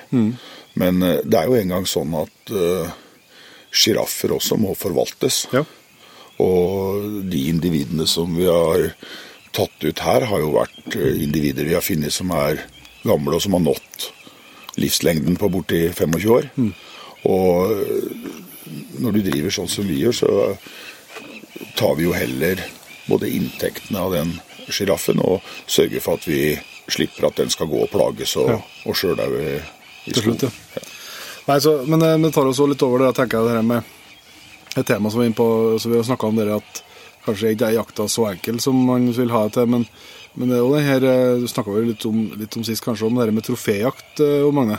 Ja. Det er jo et eh, Jeg har tenkt stadig mer på, ikke bare når jeg og før det, men, men også tidligere, altså både på begrepet troféjakt, og at jeg og veldig mange jegere eh, sier at jeg er ikke noen troféjeger, altså. Det er, sånt, det er en sånn typisk ting du sier. Og en annen sånn typisk ting du sier, er ja, det er jo ikke noe prestasjon å gjøre sånn eller sånn. Og det er to sånne sayings som, som jeg vet at jeg har sagt sjøl òg, men som jeg skal prøve å, å vekte litt mer framover. at eh, jeg tror nødvendigvis ikke at jeg helt vet hvorfor jeg sier det. Du skjønner meg. Altså, du tar det første da, med at jeg er ikke troféjeger, så er det, må du liksom, skal du forstå det, så må du liksom først da definere begrepet trofé, hva er en troféjeger. Og det er kanskje ikke så enkelt i deg sjøl. Nei. Og blir du kalt troféjeger, så kommer du ille ut. Ja. Det er jo et skjellsord både blant jegere og blant naturvernere. Ja, ja. Det er det som er litt underlig. og det er som er riktig. Og, og jeg veit ikke hva jeg skal si, men det, er- det er klart at hvis du tenker på slutten av 90-tallet, begynnelsen av 2000-tallet, Mm. så var det en økende mengde, i Norge i hvert fall, av folk i 40 pluss med god økonomi som tok jegerprøve Prøve. og begynte å jakte. Og mange av disse hadde penger og var ute og begynte å leite etter forskjellige trofeer. Så troféjakt, det fins. Og der folk Jeg har vært der sjøl, og jeg likte å reise rundt i Afrika, og jeg har vært i Canada og i England og samle arter. Men jeg aldri ville brukt ubegrensa med penger. Det har vært for å lære deg å jakte en ny art Nei, nei, nei. og, og, og så videre. Men troféjakt de sier at det begynte med engelske kolonister som var rundt i Afrika og hadde dyre safarier. Mm. Eh, Det var beholdt forretningsfolk. Eh, Gamle presidenten i USA, Roosevelt, han var jo i 1909 i Kenya Ja. i nesten et år og skjøt over 500 vilt. Så så det henger vel litt tilbake til det. Men, og jeg er litt gammelkonservativ på dette, for jeg er vokst opp med tradisjonell norsk jakt. Ja. Mhm. Som jeg sa til deg, bestefar min tror jeg er den siste jeg vet om som jakta bare pga. kjøttet. For at måtte måtte ha mat, skal jeg si. Ja. Men, men, men til og med helt tilbake til steinalderen så har folk, altså Der jakta folk for å få mat. Ja. Men samtidig så hadde trofé og størrelse en betydning. Ja. Ja ser- Der du ser hell- helleristninger og sånt, ja. Ja, Eller bursmannstegninger som vi har her nede. Så er ofte de prega av enorme horn på disse greiene. Altså at folk skryter litt av hva de har skutt. Mm. Jeg husker bestefaren min, gamle kjøttjegeren, han skjøt en reinsdyrbukk på Lesja på jeg tror det var 126 kilo. Ja. Og da dro de den ned hel så alle skulle få sett den. Ja. Så det er ikke bare for Nei. For Nei, så det er jo noe som ligger i oss. Ja. Et, altså, helt sikkert i forskjellig grad, altså, det er helt sikkert, men, men det føler jeg at alle uh, Kanskje elgjegere jeg kjenner flest da føler at alle elgjegere syns jo det er noe ekstra hvis det detter en stor elgokse. Eller for så en stor elgokse. Ja, visst er det det. Og, og, og sjøl om vi er gamle, tradisjonelle, litt konservative jegere, Ja. så teller vi tagger. Ja, og vi tar opp måle, målebåndet og måler litt centimeter. Ja. Ja, ja. Det er jo så, så, så det, samtidig så er det altså, Men samtidig, da tenker altså, at folk som da jakter kun for trofeene, for å sette det på spissen, da, det, det er det som er interessen, så, så ser jeg liksom stadig jeg skjønner jo på disse naturvernersida at du kan tenke at det, det ikke er bra. Samtidig så, så er liksom ikke forskjellen så forbaska stor, da, for at hvis, sånn som her, jeg vet at dere tar vare på alt. Alt blir brukt av kjøtt, og det blir tatt vare på, på skinnene, selv om ikke jegere vil ha. Så, så alt blir utnytta. Ja, ja. Det, det, det ivaretar dere. Så det er jo ikke sånn at eh, hvis det kommer en, en som er ren troféjeger på besøk hos dere, og kun er ute etter et, et stort trofé, eh, og han får felle den, Ja, ja. eh, så er det ikke sånn at det er bare at dere kapper av hodet og så legger lett eh, kjøttet liggende i skogen. nei, nei, vi bruker alt. Ja. Og, men når det er sagt, så er det en del troféjegere som tar veldig enkle løsninger. Ja. Og eh, en ting som Altså, vi tar imot hvem som helst som kommer for et stort trofé. Mm. Og dette med måling altså Jeg må først si det at når jeg så at den Niala-oksen til Erlend var nede og jeg gikk, på, jeg gikk på noen lå, og det første jeg tenkte på, faen, jeg har ikke med meg målebåndet. For jeg ville gjerne vite, for jeg tippa at den Ja, At det var medalje. at det var, det var medalje. Men som jeg sier, vi kan ta troféjegere og folk som er ute etter et bestemt trofé, men det er én ting som er helt imot verdiene våre, og som det fins i Sør-Afrika, og det er at de har små hegn, så går de på viltauksjoner og kjøper en 60-tommers kudu til 50 000 rand. Ja. Slipper den, og den blir skutt, altså de blir skutt omtrent når de kommer ut av bilen. Ja, ja. Det det.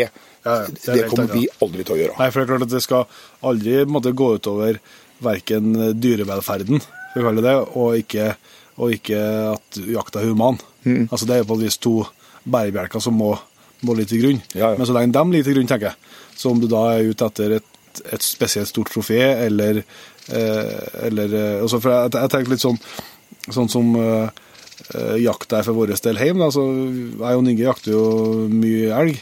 Og de fleste elgene etter hvert som vi skjøt, ja ikke fleste, det er kanskje overdrivet, men i hvert fall bortimot halvparten, da, de eh, leverer vi på Louis slakteri. For pengene for å finansiere jakta vår. Ja. Så, sånn at der er vi ikke eh, Da jakter vi ikke bare store elgokser. Vi, altså, vi jakter jo, og det er jo lite, Ja. lite av det, men, men det er altså, sånn prinsipielt så er det ikke noen forskjell. Nei, nei. Vi jakter jo ikke, eh, som du ser, vi er ute etter kjøttet da. Altså, vi er jo med på en forvaltningsplan og alt det der, men det er jo ikke, det er jo ikke når jeg våkner om morgenen og, og det er 3. oktober og, og to, to plussgrader og sol. Det er jo ikke forvaltninga jeg tenker på når jeg da tar med hund ut. Nei, nei, nei. Og, og, og det skal nok jegere være litt obs på når de diskuterer med jeg kaller det naturvernere. Eh, Det er at eh, altså hvis hensikten er mat, og når man da drar på og kjøper seg en blazer, med Swarovski og en håndkikkert og en jaktdress og en ryggsekk, og du bikker fort 100 000, så får du kjøpt jævlig mye mat. Ja, det gjør det. Så, og der må man være så ærlig og si at dette er en gammel tradisjon. Det er uh, Lidenskap. lidenskap, natur og hele den biten der. Man skal huske at grunnen til at Norge ble befolka, det var når isen trakk seg tilbake og det begynte å vokse skog i Tyskland, sånn at uh, uh, reinsdyra trekte med brekanten, og folk trakk etter for å overleve. Ja, ja. Så det ligger jo i oss. Og det ligger i oss. Ja. Nei, så dere, også, og samme som andre som jeg sa som et sånt begrep som jeg føler jeg hører ofte, at jeg helt sikkert har sagt det sjøl i en sammenheng, som er sånn litt sånn ut etter, og at folk skal tenke seg, jeg skal tenke på mer om, og at, og at flere skal gjøre det. også det med det er ikke noe prestasjon å gjøre sånn eller sånn. Eh, og Det blir jo ikke brukt, det handler ikke bare om jakt i Afrika. altså det handler om, ja, det skjer jo nå, nå er jo bukkejakta rett rundt hjørnet. Da ser når folk begynner å dele bilder av bukkene, så kommer noen og skriver at ja, men det er jo ikke noe skogsbukk. Eller eh, du skal ikke Ja, men til dere er jo så mye elg at det er jo ikke noe prestasjon å skjøte en elg. Og det, det er masse sånne sånn Og vi er En tidligere gjest i Jegerpoden sa jo det på en veldig god måte. Sant? Det er, I Norge da, så er det 5% som jakter. Det vil si at det er 95% som enten ikke bryr seg eller er imot. Så det er sannsynligvis en som er imot, veldig liten, altså, men, men det er lell, vi er lell bare 5 mm. Og da kan vi ikke drive og, og ødelegge for hverandre med sånn der eh, tull som det. Altså, du må jakte der du har jakta di. Du må jakte på den måten så lenge som sagt dyrevelferden og, og det humane liksom litt rundt, så, så må du gjøre sånn som du sjøl ønsker, og som du sjøl syns er spennende, som gir deg noen ting. Ja, Og i hvert fall ikke at jegerne skal begynne å konkurrere med hverandre Nei. øh, og skape Nei, nei, nei. misnøye og, og dårlige holdninger. Og øh, ja, hva skal jeg si, det er at jegere er litt mer ærlige på akkurat det at du jakter for den der lidenskapen og den Spenningen. Sånn. For kjøttet kommer som en bonus, og folk er flinke til å utnytte Ja, ja, ja. kjøttet. Og når du kommer til troféjegeren, så er det men når du har felt noe, så det er alltid snakk om slaktevekta på et reinsdyr. Ja. Taggene på den elgen. Mm. Det derre ønsket om å ha noe unikt og stort Ja. ligger der, selv om det ikke er målet. Men jeg mener at når du skyter et stort trofé, så skal det være både en grad av prestasjon og en grad av opplevelse bak Ja. fellinga. Ja, ja altså, så, så at um, Hvis det da som sagt, det, det dyrevelferden og dette er på, på plass, og for en jeger så er det store i livet det å enten reise rundt i verden eller lete etter i Norge etter de største trofeene og, og prøve å felle dem, og det gir han, den jegeren mye glede, så, så har ikke en rett til å se ned på det. Nei, nei, helt riktig. Jeg er helt Det jeg føler på, liksom. Helt enig. Og det er noe prestasjon. Altså, hvis vi skal liksom få inn det, så må vi liksom må definere hva er en prestasjon. Og det er jo i hvert fall mildt sagt krevende, for at eh, det er jo Jakt er jo samme, i hvert fall opplever jeg, om du er i Afrika eller om jeg er i Innerdalen. Så noen dager så, så går det kjapt og enkelt. Jeg snakka om den eh, Blue Wilder-bisen. Det var snakk om en time, en halv time, så hadde vi felt det viltet, og det, jakta gikk veldig radig. Eh, og så neste så holdt vi på i to dager før vi i hele tatt eh, så det viltet vi jakta etter. Så at jakta er noen dager helt umulig, noen dager er enkel, samme hvor du, samme hvor du er hen. Og hva som er en prestasjon og hva som ikke er en prestasjon, det, det er jo også helt sånn umulig å, å definere. Det er jo ikke noe Om jeg kommer på første dagen elgjakta 25.9. og jakteieren sier at du skal sitte på post her, sitte på post her i tre kvarter, og så kommer det en 20 spiller elgokse på 20 meter der skjøten. Ja, ja. Så, så er det selvsagt en veldig artig opplevelse. Men så kan vi diskutere om det er det en prestasjon eller ikke. Altså, så, så, så vi kan ikke begynne der, vi kan ikke, vi kan ikke holde på i det gamet der og, drive liksom, og, og, se ned på noe og se opp til den, til noe. Altså, folk må få løs, løs jakta på den måten de sjøl syns gir dem mest uh, uttelling, Ja. og de syns er mest uh, givende. Og så må vi alle andre ikke drive og liksom surre med sånne ting. Det tror jeg, så, det tror jeg er så, sånn direkte ødeleggende for, for eh, den lidenskapen vi har. da. Ja, ja. Nei, og prestasjon er jo avhengig av det resultatet du får Ja. i forhold til hvordan du har gjort jobben med de forutsetningene du hadde. Ja. Og er, Hvis du sammenligner det med en fotballkamp, så kan du vinne 1-0 etter å ha spilt sambafotball i 90 minutter og skåret nesten på overtid. Ja. Og hele laget har fungert. Ja. Men hvis du får, selv om du får et feildømt straffespark i tredje minutt, så skal det også settes. Ja, ja, ja. Og det blir 1-0. Ja, ja, det er sånn. Så, ja, så resultatet blir det samme. Ja. Men, eh, nei, så, men jeg synes akkurat de to begrepene der har liksom eh, at jeg siste året eller noe tenkt, tenkt en del på, og så liksom følt at det var artig å, å diskutere med deg som òg treffe veldig mye, mye jegere, og, og mye forskjellige jegere. For at det tror jeg jo kanskje var er en sånn eh, myte at man ser for seg at de som fer til Afrika er, er kun velbemidlede forretningsfolk, men eh, etter å ha snakka med deg, så skjønner jeg at det er jo ikke det som er den dagligdagse kunden på, som, som dere har. Nei. De fleste som kommer til oss, er eh, vanlige lønnsmottakere eller småbedriftseiere som har lidenskap for jakt. Ja. Men så Vi snakka om det i forrige episoden, men eh, vi, vi får en del debutanter som skyter første viltet sitt Ja. her hos oss. Og det er ofte koner, barn av de som, som er med. og da prøver vi ofte å lage en sånn type postering eller sitte ved et vannhull. Og det er ikke bare for å gjøre jakta enklere, men det er for å sørge for at jegeren sin førstegangsopplevelse er positiv. Ja. Så du unngår ei skarskyting eller Ja, at du tar et skudd som du har som du, ja. ja. Det, og det, er jo, kan, det kan jo også gi gode, gode, ut, gode muligheter med å postere på vannhjulene. Ja, ja. Det begynner litt, eh, jeg begynner litt ekvivalenten til bøjakta som var i Norge da, på sist. Ja, heller ja. Nei, men eh, jeg så skal ikke si at jeg sitter på noe fasit her, heller, for det, det, gjør jeg, det viser seg at det gjør jeg veldig sjelden. Men, men det å, å tenke seg litt om og kjenne litt på de begrepene og, og tenke litt på hvorfor man, hvorfor, for, hvorfor man sier det, og, og være bevisst på det at eh, eh, så lenge eh, jegere tar vare på, på dyrevelferden og, og det humane, at det bærebjelkene eh, legger det til grunn uansett hvilken art man jakter eller hvordan man jakter, så, så syns ikke jeg noen har rett til å, til å se ned på noen andre. Uansett eh, hvilken eh, jakt man har, eller hvilket land man er eller hvor det, hvor det skulle være. Nei, nei, det, det er jeg helt enig i. Og, og du snakka om å skyte en en sjiraff, det er ting som folk kan reagere på. Og måten jakt blir gjort på. Men jeg har alltid sagt at så lenge jeg arrangerer noe som er lovlig og etisk forsvarlig, Ja. så står vi for det. Ja. Ut fra forutsetningene som jegeren har, eller ønsket som jegeren har. Ja. Og det er nok en eh, Det dreier er bra. meg, men derfor har vi fått eh, Vi har jo snakka litt om det i løpet av uka. Jeg syns det, er- det er viktig å, å ta det fram. Men nå er det jo eh, det holder på å bli mørkt rundt oss. eh, Magne, sola er i ferd med å gå ned. Himmelen er rød. Det høres kanskje litt vind i mikrofonen. Det kan være koselig. Det kan hende at det høres eh, litt fugl etter hvert. Og, Jeg hører perlehønen er på vei til å gå opp i og legge seg i trea. Ja. Så, men når vi sitter her, altså Jeg må jo si det, jeg fortalte jo en historien om, om turen i fjellet i går og sebrajakta der. Og, og da når jeg gikk ned og gikk bak eh, Johannes der, og da begynte det å bli så mørkt som nå, og enda mørkere, og det, himmelen var, var knallrød, da må jeg jo kjenne at da tror jeg for alvor at jeg kjente på det som jeg har derfor forteller av flere som eh, omtalt som Afrikafeber, altså.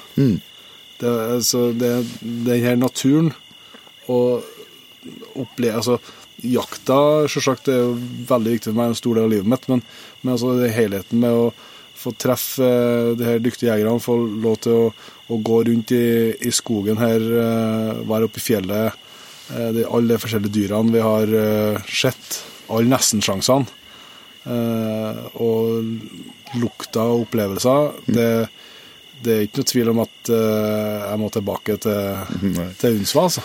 Nei, da. Og, og dere har jo vært åtte stykker og vært ei fin gruppe med samhold og delt mye opplevelser. Og du ser også den atmosfæren når du sitter ved leirbålet om kvelden og oppsummerer Ja, helt litt. grann. Det er fantastisk. Ja, ja. ja og, og, og sånn vi har hatt med Brage på, på seks år, og han har jo storkost seg gjennom hele uka. Du har jo delvis passa litt, og dere har surra og ordna. Jeg fant jo noen bilder i dag, eh, ikke noen kamerarull, der dere var tok bilde av en påfugl. Ja. Ja, ja. så, så det var Og han, eh, og han har jo fått vært med på jakta når Milla felte den vårtoggen. Så var jo eh, han med, og, og det var jo Han har vært med på jakt flere ganger, Brage, men det er første gangen han har liksom vært med på ei felling. da. Og han var jo helt i, i skyene. Så det at det går an liksom å, å kombinere eh, jakt, safari, altså som en familieferie Ja, ja. Han har vært og bada i bassenget her, selv om ikke Ja, badetemperaturen har frista meg, kanskje, så har han bada hver dag. og det er jo en sånn uh, utrolig bonus, syns jeg. For at det, det er jo noe av det som er litt uh, nedsida med mye av jakta vi driver, at det, det betyr litt tid bort fra familie av og til òg. Men nå har vi vært hele gjengen og fått delt alle opplevelsene sammen. Jeg er jo helt uh, ubeskrivelig uh, glad for det. Men det jeg kanskje prøver å komme fram til, det er at eh, vi kanskje burde ha sett på fått til en Jegerpodden-tur til Sør-Afrika. ja nei, det hadde vært uh, Hva tror du om det? Ja, nei, det hadde vært uh, kult. å, å lage noe av samme opplegget Ja. som det Vi har hatt nå, ja. vi har noe, Og det er klart, det jeg er jo interessert i Sånn som når du blir fascinert Du har jo mye jakterfaring. Og så lærer du noe, nytt, og du setter pris på de riktige tinga. Og hvis du kan ta med flere av lyttere som er på det samme og vil oppleve noe sånt, så er det klart vi er Både for at vi driver det som butikk, men også for det med å skape de opplevelsene. ja. Og det er minnene for livet. Det er minnen for livet. Ja, det tror jeg vi må Når vi er ferdig med innspillinga, så får vi sette oss ned og se om vi ikke klarer å komme på et opplegg. Det skal vi gjøre. Men eh, nå er det snart uh, stappmørkt, så vi må etter hvert begynne å runde av fra skytebanen. Men eh, eh, før vi gjør det, så eh, vet jeg at du er en eh, ivrig Jegerpodden-lytter. Eh, Odd Magne sa at du kjenner jo eh, avslutningene eh, avslutningene våre, så du har jo vært gjennom det før i, i førre episoden. Men eh, det kan jo Du er jo en mann i utvikling, du som, som andre, så det kan jo at vi kan eh, ta det opp likevel. Så vi har jo noen faste spørsmål. Mm. Hvis vi starter der med, med, noen, eh, med et eh, jakttips som du har lyst til å dele med dem som hører på dette. Der holder jeg på det jeg sa forrige gang, og det er eh, når du skal jakte, så forbered deg så godt du kan. Lær om viltet du skal jakte på. Studer. Vær sikker på at du har riktig utstyr med deg, børse, alt mulig annet. Tren på skyting. Og gjerne også trene fysisk. Du ser, du snakka om disse to milene du la bak deg her sånn. Alt blir lettere hvis du er i bra form. Ja, ja, ja. Og det skal si at uh, jeg tror aldri jeg har vært så sliten av to mil, eh, som er, for det er et helt annet eh, altså Det er jo til å gå litt opp og ned, selvsagt, for seg, men, men det er jo, eh, kjenner jeg liksom vi, at du tror en gode sko her. Det er ikke noe tvil om, for at det er hardt liksom overalt. Og så blir du sliten fordi at du alltid må vakle litt på steiner. Du må bøye deg under tornebusker. Yes. Det er mye sånn, eh, så det har vi snakka om hele jaktlaget. her, Det er mange her som er i langt bedre form enn meg, så det er ikke bare, det er ikke bare meg heller som har snakka om at det det fysiske var mer krevende enn jeg tippa. Ja. Mm. Jeg så for meg at jeg endelig skal slippe å gå i blaut myr.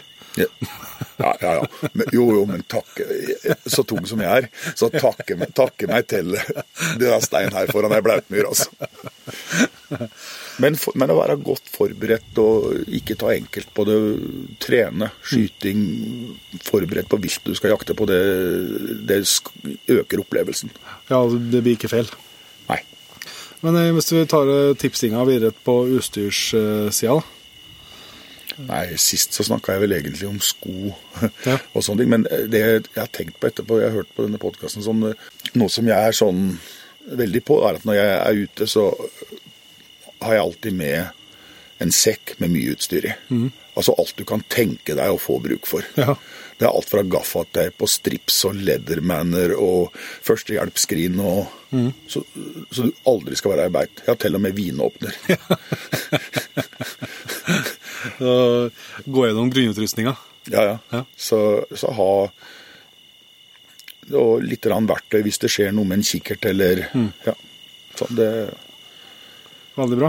ellers så, ellers så jeg, er veldig glad i alt elektronisk. Jeg er liksom gadget-frik. Ja, det er litt likt. Men, det er- men det er liksom begrensa hvor langt du skal strekke det Hva jakter de, da?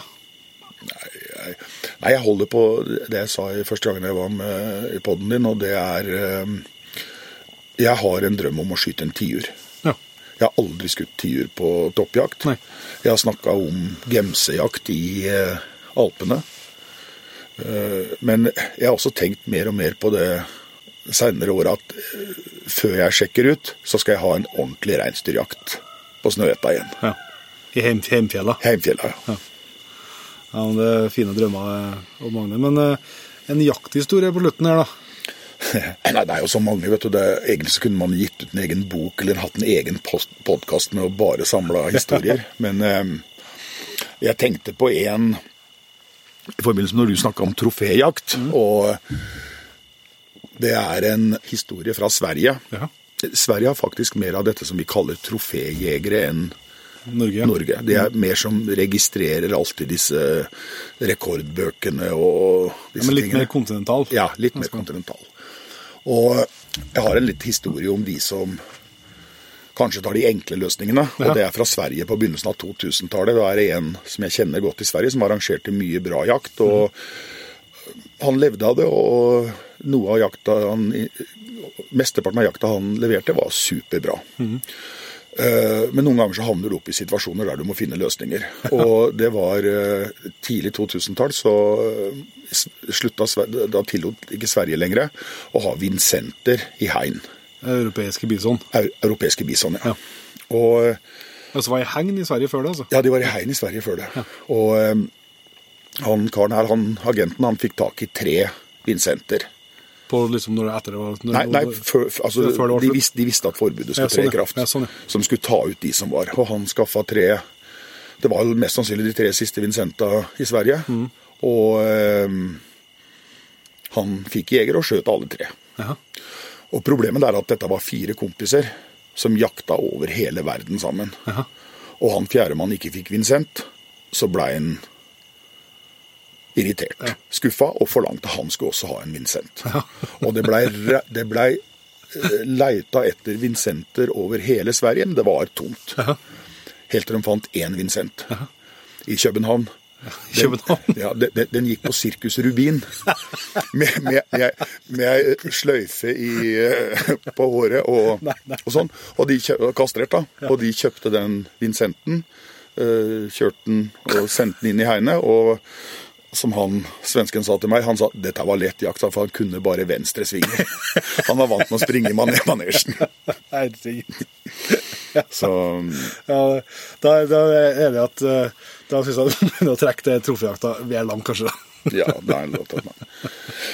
Eller så kan jeg ta en til. Jeg, har, eh, jeg kan strekke strikken litt i forhold til dette med naturvernet. Når det er sagt, så har jeg all respekt for eh, folk som vil verne naturen vår, og, og som er jaktmotstandere. Vi må respektere de. Ja, ja, ja. Men det er litt med argumentene. Og det som irriterer meg, det er at mange av de som tar til orde for å være jaktmotstandere, de påberoper seg å kunne veldig mye, Mm. og så er de oppvokst i byer. Eh, hun som jeg skal fortelle om nå, hun er oppvokst på Majorstua. Uh, det er ikke så mye vilt der. og eh, viser seg. hun var her for noen år siden og prata veldig dyrevern. Og det var liksom litt sånn Men bruker sånn som Jeg har tenkt deg bare Du ser i Lion King. Ja. Altså Bushen i Afrika er mye mer brutal enn det du ser i Lion King. Men eh, kanskje en av de peneste damene som har vært her. Ja, men så løvene Løvene lett ikke eh, lett ikke eh, Eller får ikke ri på vårtoget i løvene, sånn, altså det er ikke sånn Nei, nei, og det er, ikke, det er ikke sånn at bavianene kommer og tar løvungene og viser dem fram til sjiraffene. Det, er, det er en helt annen setting. Men i hvert fall så var hun med da, og vi kjørte gjennom Krüger nasjonalpark. Og ofte så trekker viltet sammen, sånn som vi har prata om før i dag. Og så ser vi en stor blue wildebeest-okse som står oppi en impalaflokk. Okay. Og så hører jeg jentungen, for å kalle det Odd Magne, Odd Magne, tror du den store kommer til å spise opp de små nå? Nei, sier jeg det. Det går nok bra. det, det, det dette tror jeg går bra. Så det er litt om ukunnskap, da. Ja, ja, ja. Og det, men det er jo det som er øh, Jeg er jo altså helt enig med deg at du skal både ha respekt for dem og, og gjerne å prøve å forstå dem. Men det her øh, som ofte kommer fram, øh, må jeg jo si i media, altså den her mangelen på kunnskap, men likevel den skråsikkerheten. Ja. Og det, og det, det er litt det vi snakka om med, med, det med øh, troféjakt og, og hva som er en prestasjon og alt det der.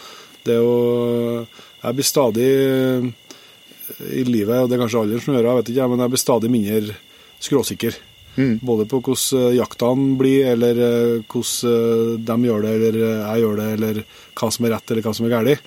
Det er mer å lærer, dess øh, mer får jeg lyst til å lære. Og dess mindre øh, tror jeg at jeg forstår.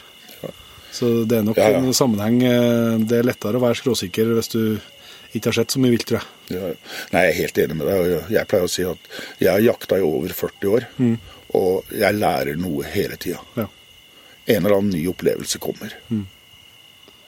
Nei, men nå, nå er lyset for alvor gått i, i Sør-Afrika.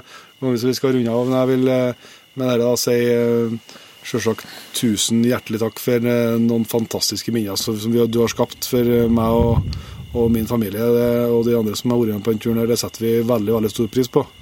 Og utrolig glad for at vi har eh, tatt denne turen. Det har overgått alle forventninger. og Jeg kjenner Jeg har allerede begynt å kikke på flybilletter.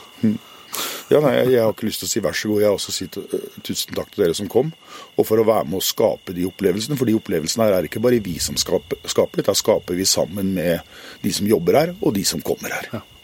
Tusen takk. Så nå er det rett opp og grille sjiraff indrefilet. Yes. Det er en bra plan. Greit. Det var altså Odd Magne Doseth eh, fra skytebanen eh, på Unsa Safaris i Sør-Afrika.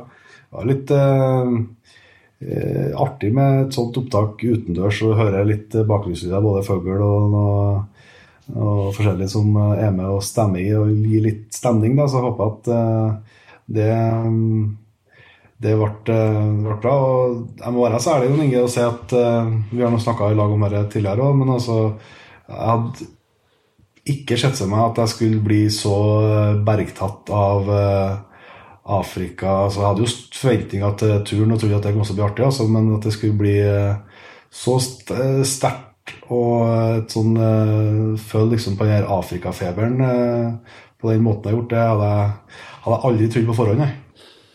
Nei, vi har jo snakka litt om det etter at du kom hjem. og På, på, på forhånd også hadde, har jo, tror jeg og du hadde litt sånn like like forutsetninger og forventninger på et vis. Eh, og det er jo sånn, sånn til meg òg, at jeg har ikke noe jeg har ikke noe sånn uh, vært helt bevisst og bestemt på at, jeg, på at jeg skal til Afrika i jakt, men uh, når jeg hører dine historier og fortellinger og opplevelser, så um, må jeg jo si at uh, det frister, ja. Mm. Ja. er jeg blir ikke noe overraska om det blir en tur til deg.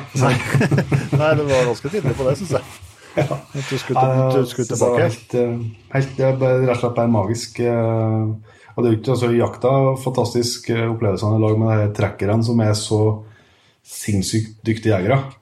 Eh, altså bare det å få lov til å gå i hælene på, på den her som har eh, så uendelig mange flere timer på jakt enn, enn hva jeg har, og hva jeg noen gang kommer til å få. Eh, det er både fascinerende og utrolig lærerikt. Mm. Eh, se hva, hva mennesket er i stand til som, som jeger, skal jeg si, bare man har vært nok ut. Ja, ja, ja. Eh, det, det, er verdt turen for seg sjøl. Og så er ja, jaktformen kjempefin. Altså det å, alt lukter annerledes, høres annerledes ut, trærne er annerledes, eh, bakkene er annerledes. Altså, for oss som er jegere og er glad i både natur og, og vilt, så, så det å få prøve noe som er som på mange måter er så likt, men på mange måter er så ulikt, eh, det, det tror jeg kan fenge mange flere enn kanskje, kanskje tror. da. Ja, og jeg tror du så ikke Du var veldig fornøyd med å dra på ferie på sommeren og så at det er vinter i Afrika? Ja, helt glimrende. Kjempeklima. liksom Noen fem-seks grader på natta og, og 20 grader på dagen. og tror jeg så ei flue på hele turen. Ja. Så det er ikke, uh, ikke noe åter å plages med eller noe. Og så I tillegg til at det ikke uh, altså at det, Ja, vi fikk tatt en familieferie, og det er jo uh, det er jo ikke så mye hjemme ellers i åra, så at det å kunne dra på en tur i lag er jo ikke, er absolutt ikke feil. Og i tillegg så kjemper ikke med noe av jakttida hjemme. da. Nei. Og du er, ikke, så, du er ikke spesielt glad i krypdyr og edderkopper og slanger og sånn, eller? Helt riktig. Jeg så en slange. Ja. Det var litt spesielt at vi så den, for at, det var vinter. da. Ja. Men det var helt udramatisk, det. altså. Nei, så det, Jeg kan ikke annet varmt anbefale en, en, sånn opplevelse hvis du kjenner, kjenner på det. Og så håper jeg at uh, flere enn meg og Odd Magne og, deg og Inge vet jeg, tenker mye det samme som vi var inne på i denne praten her med, med det her. og Eh, at vi jegere vi, Det er så få av oss at vi har ikke råd til å drive og se ned på hverandre. Eh, for at noen Og det handler ikke om jakt i, i utlandet, i innlandet, skal jeg si. Det handler om eh, så lenge man har, legger til grunn dyrevelferd og man legger til grunn human jakt, så, så, må alle som jakter, få lov til å utøve jakta på den måten de sjøl ønsker. Mm. Hvis du ønsker å bruke hund, eller hvis du ønsker å gå på snikjakt, eller om du ønsker å sitte og postere på et høgsfelter på ei innjord, eller om du eh, vil bruke den børsa eller den børsa, eller om du skal ha termisk eller ikke termisk. Alt det der Det er helt frivillig til opp til hver enkelt jeger hvordan man ønsker å gjøre det, men ikke se ned på noen og være Det har vi, det har vi ikke råd til. Vi må, være, vi må være på lag. Det syns jeg er en, eh, en fin eh, måte å avslutte episoden på, Petter. Det er det. Så er vi tilbake neste fredag vi med, med en ny episode. Det er vi. Og eh, da kan jeg få si det sånn eh, til neste gang, Petter. Vi høres.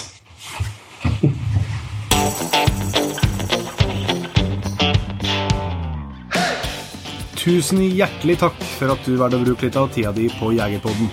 Sjekk ut jegerpodden.no eller din favoritt favorittpodkastspiller for enda mer innhold og flere episoder.